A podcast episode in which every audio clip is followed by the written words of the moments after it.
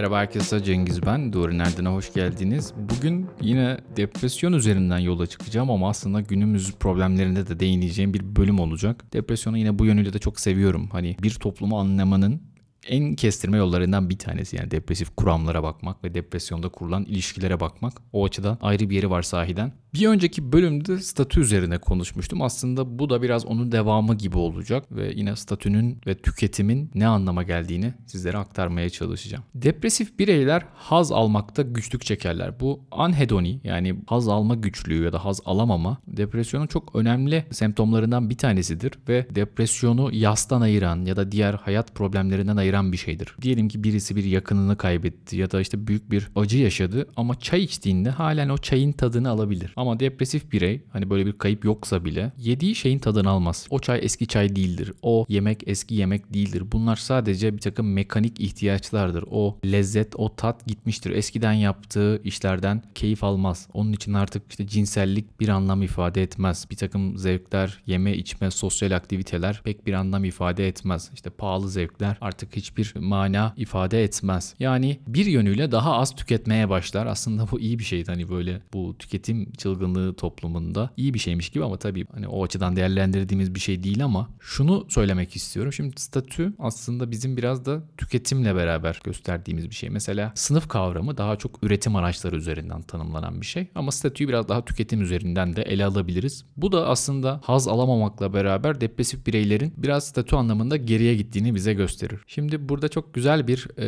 yazı 1950'lerde yazılmış bir yazıyı sizlere anlatacağım. Oradaki bir hikayeyi. Elizabeth Marshall Thomas bu hanımefendi çeşitli Afrika topluluklarını inceleyen bir antropolog. Vaktinde çok değerli çalışmalar yapmış ve 1950'lerde Afrika'nın Kalahari bölgesinde avcı toplayıcı bir grupla uzun bir zaman geçiriyor. Yani yıllar geçiriyor. Hani böyle bir bir ay iki ay gibi düşünmeyin. Şimdi var ya insanlar işte bir ay bir yerde yaşıyor işte diyor ki ben Amerika'da yaşadım ya bir ay gitmiş ve ben işte Amerika'da yaşadım diyor. Bir yerde iki hafta kalıyor ben orayı bilirim diyor ve kadın gerçekten Afrika'da bir avcı toplayıcı toplumunda yıllarca yaşıyor. Galiba 6-7 sene yaşıyor. Bu süre zarfında amacı halen avcı toplayıcı yaşam sürmekte olan insanların hayatlarını yakından izlemekti. Bu insanlara dair çok fazla not tuttu. Tabii ki onun kendi açısından bazı önemli yerleri vardır ama ben size benimle alakalı taraftan bir adamın hikayesini aktarmak istiyorum. Bu adam avcı toplayıcı bir grup için gerekli bir davranıştan yoksundu. Neydi? Avlanmıyordu. Adam avcı toplayıcı topluluk içerisinde avlanmıyordu. Yani toplamıyordu da hani ne avlanıyordu ne topluyordu. Hiç evlenmemişti ve çok yalnızdı. Kimsesi yok. Oldukça kederli bir ruh haline sahipti. Yalnız yaşayan bu adamın sahip olduğu tek şey kocası vefat etmiş kız kardeşiydi. Kardeşi yani kız kardeşi ona e, yiyecek yardım yapan tek kişiydi. Yani o da olmasa aslında hani adam çoktan hayatını kaybederdi. Ama bir zaman sonra kız kardeşi zaten hayatını kaybediyor ve bu adam tek kalıyor ve kabilenin diğer üyeleri bu adamı ve onun açlığını, sefaletini görmezden geliyor. Yani adam bayağı böyle bir deri bir kemik kalıyor. Giderek zayıflıyor. Yani dışlandığı için ihtiyaç duyduğu desteği de bulamıyor. Şimdi bu hikayenin sonunda ne olduğunu bilmek tabii mümkün değil. Aslında bunu Elizabeth Marshall da aktarmıyor. Yani bu adama ne oldu sorusuna bir cevabı yok ama tahminleri var işte. Ya bir yırtıcı hayvan onu yedi. Çünkü sosyal desteği de yok. Bu adam hani ya da açlıktan öldü gitti yani. Bu tür bir senaryo avcı toplayıcılar arasında sıkça görülmüş olabilir. Kıtlık zamanlarında zayıf ve yaşlı insanlar bazen reddedilir. Hatta diğerlerinin hayatta kalmasını kolaylaştırmak için öldürülürdü. Şimdi kulağa çok çılgın geliyor ama eskiden sahiden böyle zayıf, aşırı düşkün, aşırı hasta insanlara bakmak yerine onları öldürüyorlardı ya da yaşlı insanlara. Hele bu bir de savaş, kıtlık, salgın zamanlarıysa böyle zamanlarda bu davranışı daha da fazla görüyoruz. Aslında bu sadece o zamanlarda sınırlı değil. Muhtemelen bizim de kodlarımızda olan bir şey. Modern zamanlarda da gördüğümüz bir şey. Mesela pandemide insanlar hani hem yaşlılarda bu hastalık daha fazla oluyor, daha ölüyorlar gibi şeyleri duyunca yaşlılara karşı ciddi bir nefret, öfke başladı. İşte gerontofobi diyorlar buna hatta. Yaşlı nefreti. Bu açıdan buna da çok şaşırmıyorum yani avcı toplayıcıların böyle yapmasına. Biz modern zamanlarda bile böyle davrandıysak onlar için tabii ki mümkün. Hani böyle şeyler var ya işte yani büyük babası, büyük annesi böyle ölsün diye dua edenler işte aman bakıyoruz yeter artık işte gitse ölse kurtulsak diye. Biraz tabii yetiştiğiniz toplumla alakalı bir şey. Yani benim yetiştiğim kültürde o evin büyükleri yani 2500 sene yaşasalar insanlar o kişiye bakmak için yarışırdı yani. Hani böyle benim yetiştiğim kültürde yani en azından hani kimse böyle işte sen bak anneme sen bak babama gibi bir şey olmadı. Bu da güzel bir şey. Yani belki biz bilmiyorum avcı toplayıcı kodlara çok sahip olmamış oluyoruz ama yine modern zamanlarda hani son zamanların da aslında gündemi erken yaşlarda emekli olduğu ve ülkeye yük getirdiği düşünülen işte yaş orta yaşlılar da belki bu kriz dönemlerinde daha fazla dışlanıyorlar. Şimdi ülkede ciddi bir ekonomik kriz var ve özellikle bu EYT meselesi işte emeklilikte yaşa takılanların emekli edilmesiyle beraber orada ciddi bir haksızlık olduğunu düşünen bir grup insan var ve bu insanlar aslında çok ciddi ses yükseltiyorlar. Özellikle tabii ki böyle kriz dönemlerinde bunları duymak daha da normal aslında. Bir grup üyesi olarak kovulma tehlikesi, işte dışlanma tehlikesi depresyon yaşayan insanlar tarafından sıklıkla bildirilen değersizlik duygularını da açıklayabilir. Hani depresyonda olan şeylerden bir tanesi de bu. Gerçekten insanlar değersiz hissediyorlar kendilerini. Aslında bu aşırı hasta, düşkün ya da ileri yaşlı insanların hissettiğine benzer bir şey. Yani onlar mesela bir nasıl diyelim bir e, yolculuğun sonunda böyle hissediyorlar ama depresif insan bir anda böyle hissediyor. Bu da aslında kendince anlaşılabilir. Özellikle eski zamanlarda grubun diğer üyeleri tarafından hak etmediği düşünülen birinin yiyecekleri tüketmesi onun için tehlikeli. Hatta ölümcül kabul edilirdi. Yani sen avlanmıyorsun, bir şey toplamıyorsun, grup için bir şey yapmıyorsun ve bizim getirdiklerimizden, bizim avlandıklarımızdan mı bir şey yiyorsun? Yani o zamanlarda halen bence de var da bu bedavacılara karşı güçlü bir alarm sistemi var. Gruptakiler bir kişinin yemeği veya grupta bir yeri hak etmediğini düşünüyorsa o kişi artık güvende değildir. Avcı toplayıcılar arasında cinayet alışılmadık bir durum değildi. Yani böyle bir hani birini öldüreceğim de gelecekler beni işte polis tutuklayacak, götürecek, cezaevine gireceğim. Öyle bir şey yok zaten. Siz bunu grup için yapıyorsunuz zaten. Kendi bireysel menfaatiniz için de değil. Ve hani o zamanlar hırsızlar ya da işte bu haksız yere bir şey elde edenler genellikle grubun öfkesinin hedefiydi. Şimdi çok şey değişti. Hırsızlar Neyse hırsızlarla ilgili bir şey söylemeyelim. Artık çok öfke çekmiyor herhalde hırsızlar. Başka türlü bir yaklaşım var hırsızlara. Belki de bilmiyorum yani hırsız olduğu ile ilgili emin olamıyor insanlar yoksa hırsızlar hala bence bir grup insanın öfkesinin hedefidir. Sonuçta hani bir beleşçi olarak tanımlanacaksa bir kişinin yiyecek çalması veya başkalarının almasına izin vermediği yiyecekleri tüketmesi ona minimum fayda sağlayacaktır. Yani buradaki şey ne? İnsanlar hayatta kalmalı değil mi? Hayatta kalmak için de beslenmeli ve beslenmek için de siz gidip bir şeyler çalarsanız bu sizin tekrar ölmenize neden olabilir. Yani o yüzden açlıkla biraz daha idare etmek, aç kalarak biraz daha yaşam süresini uzatmak, bir şeyler çalıp grubun öfkesini çekmekten daha mantıklı bir strateji avcı toplayıcılar için. Çünkü bu şekilde etiketlenmek yani bu adam beleşçi diye etiketlenmek büyük olasılıkla dışlanmaya ve potansiyel bir ölüme yol açacaktı. Yani bu hem grubun dışında kaldığınız için tehlikelere daha açık olmanız anlamına geliyor hem de oklar sizin üzerinize döndüğünde yine başka tehlikeler var.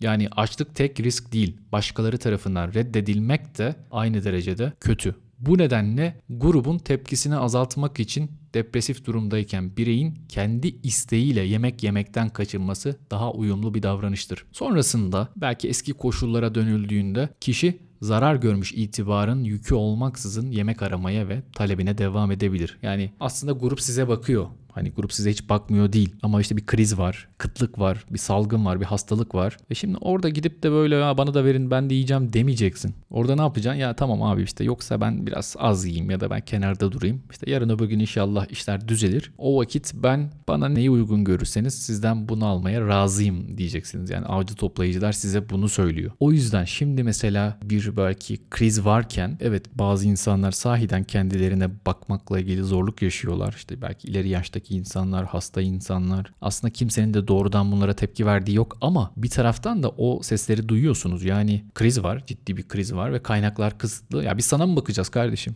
Benim kendi derdim var zaten. Hani ben para kazanıyorum. Ben bu ülkeye bir şey getiriyorum. Sen gidiyorsun benim paramla, benim vergimle başkalarının karnını doyuruyorsun. Gitsin o da kazansın. Çünkü ben de çok zor durumdayım. Bu aslında hani depresyondaki bu mekanizmanın günümüze uyarlanmış hali. Sahiden bu açıdan ayrıca anlaşılabilir. Ve ilginç bir şey var depresyonla ilgili. Hepinizin hani çok sık duyduğu bir şey var. Bu tıkınırcasına ya da tıkanırcasına mı? Tıkınırcasına yeme davranışı. Böyle belki sizde de vardır ya da işte öyle arkadaşlarınız olmuştur. Çevrenizde öyle tanıdığınız insanlar vardır. Bu kişiler genellikle geceleri tek başına ve böyle hızlı hızlı yerler. Böyle bir anda mutfağa giderler işte hani öyle bir yerde yaşıyorlarsa açarlar dolaptan bir şeyleri böyle hızlı hızlı yerler yerler sonra hop geri yataklarında dönerler. Yani etraflarında pek kimse yoktur. Kimsenin duyacağı bir yerde değillerdir. Gizli gizli ve muhtemelen de utançla bunu yaptıkları söyleniyor. Çünkü eski çağ insanları arasında yemek yemeyi bu şekilde gizlemek diğer insanların hani o az önce de söylediğim şey beleşçilik olarak görebilecekleri bir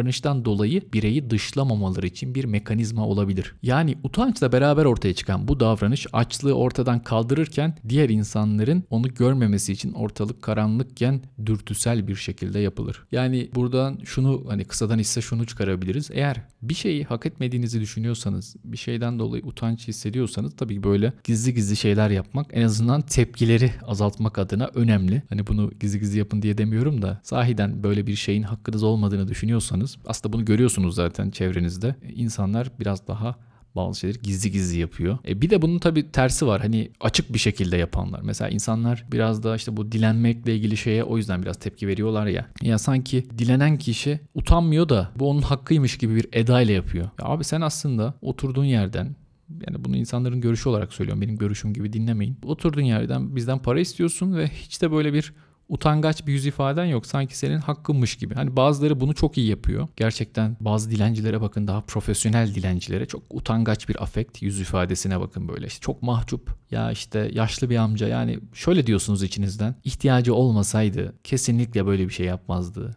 O yüzden kesin ihtiyacı var. Ben ona para vereyim dediğiniz noktaları hatırlayın. Tam da işte o dilenciler profesyonel dilenciler. Gerçekten profesyoneller. Yani bunu çok iyi biliyorlar. Yani baya baya evrimsel kuramları çok iyi biliyorlar. Birisi beleşçi olarak nitelenmemek için utangaçlık maskesini taktığında bilin ki o insan evrimsel kuramları çok iyi biliyordur. Hani dönüp bakın hangi dilencilere yardım ettiğinize, kimlere para verdiğinize dönüp bir bakın. Sahiden anlarsınız yani onun ne anlama geldiğini. Hani bu ne anlama geliyor? İşte grupta en azından büyük bir nasıl diyeyim tepki oluşturmuyor ve hayatta kalıyorlar. Onları öldürmüyorlar. Ve bir şekilde bu değersiz hissetmekten bahsettim. Değersiz hissetmek utanç ve suçluluk duyguları toplum yanlısı davranışları da motive edebiliyor. Yani bencil davranışları önleyerek bedavacı damgasına karşı korunmaya yardımcı olabiliyor. Kısacası bir tüketim de yapacaksa bu kişiler hani yine bunu fark etmişsinizdir. Yani gidiyorsunuz birisine bir yardım yapıyorsunuz. E, cebinden iPhone 14 çıkıyor. Geçenlerde işte bir şey okudum. Mesela bir tweet okudum. Birisi diyor ki ya işte benden birisi yardım istedi. Kedinin kısırlaştırılması için işte 150 liraydı. Onu 50 lira daha düşürür müsünüz gibi bir şey. Tam hatırlamıyorum detayları. Tamam dedim. Sonra bir baktım işte Volvo e, arabasıyla oraya geldi. Yani aslında insanlar hani böyle birilerine yardım ettiklerinde onun bir mahcubiyet ya da onun biraz böyle hiyerarşik olarak geride olmasını bekliyorlar. O yüzden işte bazı mesela meslekler biz bunu hep konuşuyoruz doktor arkadaşlarla aramızda. Doktorlara her zaman her şey daha pahalıya satılıyor. Yani bu bizim artık daha fazla paramız olduğu için de değil. Yani toplum bize bir statü vermiş muhtemelen. Artık bu paradan da bağımsız bir şey. Ve yani biz her türlü kazıklanıyoruz. Manava gitsek, bakkala gitsek, emlakçıya gitsek, galeriye gitsek ne bileyim bir araba falan yani böyle şey sanıyor insanlar. Doktor olmak alışverişlerde bir avantaj sağlar falan filan gibi. Hiçbir avantaj sağlamıyor. Herkes benim artık arkadaşlarım hepimiz biz devlet memuru olduğumuzu söylüyoruz. Sağlık Bakanlığı'nda çalışan memurlar olduğumuzu e, söylüyorduk. Ancak bu şekilde yırtabiliyorsunuz. Yoksa hani öyle dediğinizde adam size bir şekilde daha fazla sizden bir şeyler talep ediyor. Ama hani bunun da gerçekten evrimsel bir yeri var. Yani birisi zaten size indirim yapacaksa ya da size bir şekilde bir favor yapacaksa sizin statünüzün daha aşağıda olduğunu kabul ederek bunu yapıyor. Yani birisi size bu açıdan bir hani nasıl diyeyim e, bir kolaylık sağladıysa ve siz gidip onun çok üstünde bir statüye, bir hiyerarşiye bir şey sahipseniz tabii ki bu bazen işte nasıl diyeyim diğer insanın hoşuna gitmek için de yapılabilen bir şey de hani bir takım avantajlara da dönüşebilir birine işte iyilik yapmak. Ama çoğunlukla ama çoğunlukla böyle paradoksal bir şey oluyor. Yani mantıken indirim yaptığınız, kolaylık sağladığınız birisinin statü olarak sizden daha geride olduğunu tahmin etmeniz statü olarak sizden daha geride olduğunu görmeniz gerekiyor. Böyle bir mekanizmaya sahibiz. O yüzden aslında dilencilere bir meblağ bir şey verdiğinizde ya da işte bir yardım ettiğiniz işte gelir durumu düşük birisine bir şeyler verdiğinizde onun e, o statüsünün dışında bir tüketim yaptığını görmeniz çok büyük bir hayal kırıklığı, çok büyük bir öfke yaratıyor.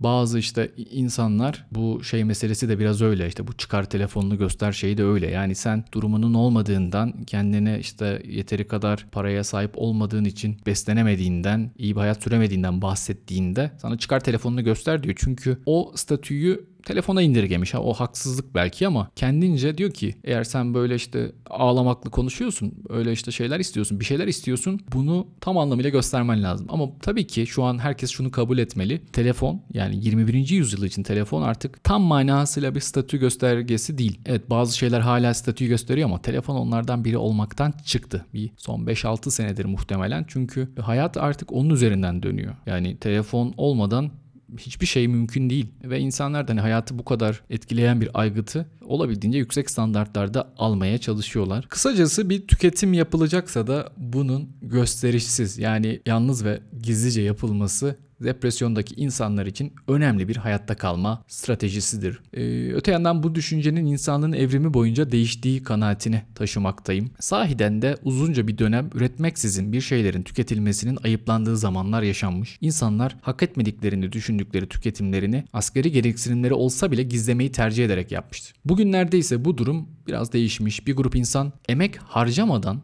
kolay yoldan zengin olmanın peşine düşmüş. Yani adamların tek tutkusu bu. Bu biraz böyle işte kripto para dünyasına bakabilirsiniz. işte borsa dünyasına bakabilirsiniz. Yani e, büyük çabalar harcamadan bir şeyler üretmeksizin kolayca zenginleşen insanlara içimizden tepki göstersek de günümüzde eski zamanlardaki kadar büyük tepkiler pek mümkün değil. Tabii ki eskiden böyle bir anda zenginleşmek gibi bir şey pek yoktu. Şimdi biraz da işte özellikle internet çağı dünyanın en büyük firmalarına bakarsanız hep teknolojiyle, internetle, bilgisayarla alakalı şeyler bir anda işte zenginleşebiliyorlar. Özellikle internetin yaygınlaşması ve sosyal medya kullanımının artmasıyla bu durumlara bakışımız da her geçen gün değişiyor. Muhtemelen karşılaştıkça da toleransımız artıyor. İnsanlar son zamanlarda gösterişli hayatlar sürmeye, harcamalarını herkese göstermeye ve bu sayede saygınlık kazanmaya başladılar. Bu da aslında e, mekanizmaların nasıl değiştiğini bize gösteriyor. Gösterişçi tüketimin hüküm sürdüğü bu günlerde üretim olmaksızın yapılan tüketim statü mücadelesinde yükselmeye dair bilinç dışı fark etmediğimiz bir motivasyondan kaynaklanıyor olabilir. Bunu şunun için söylüyorum. Eskiden hani üretmeden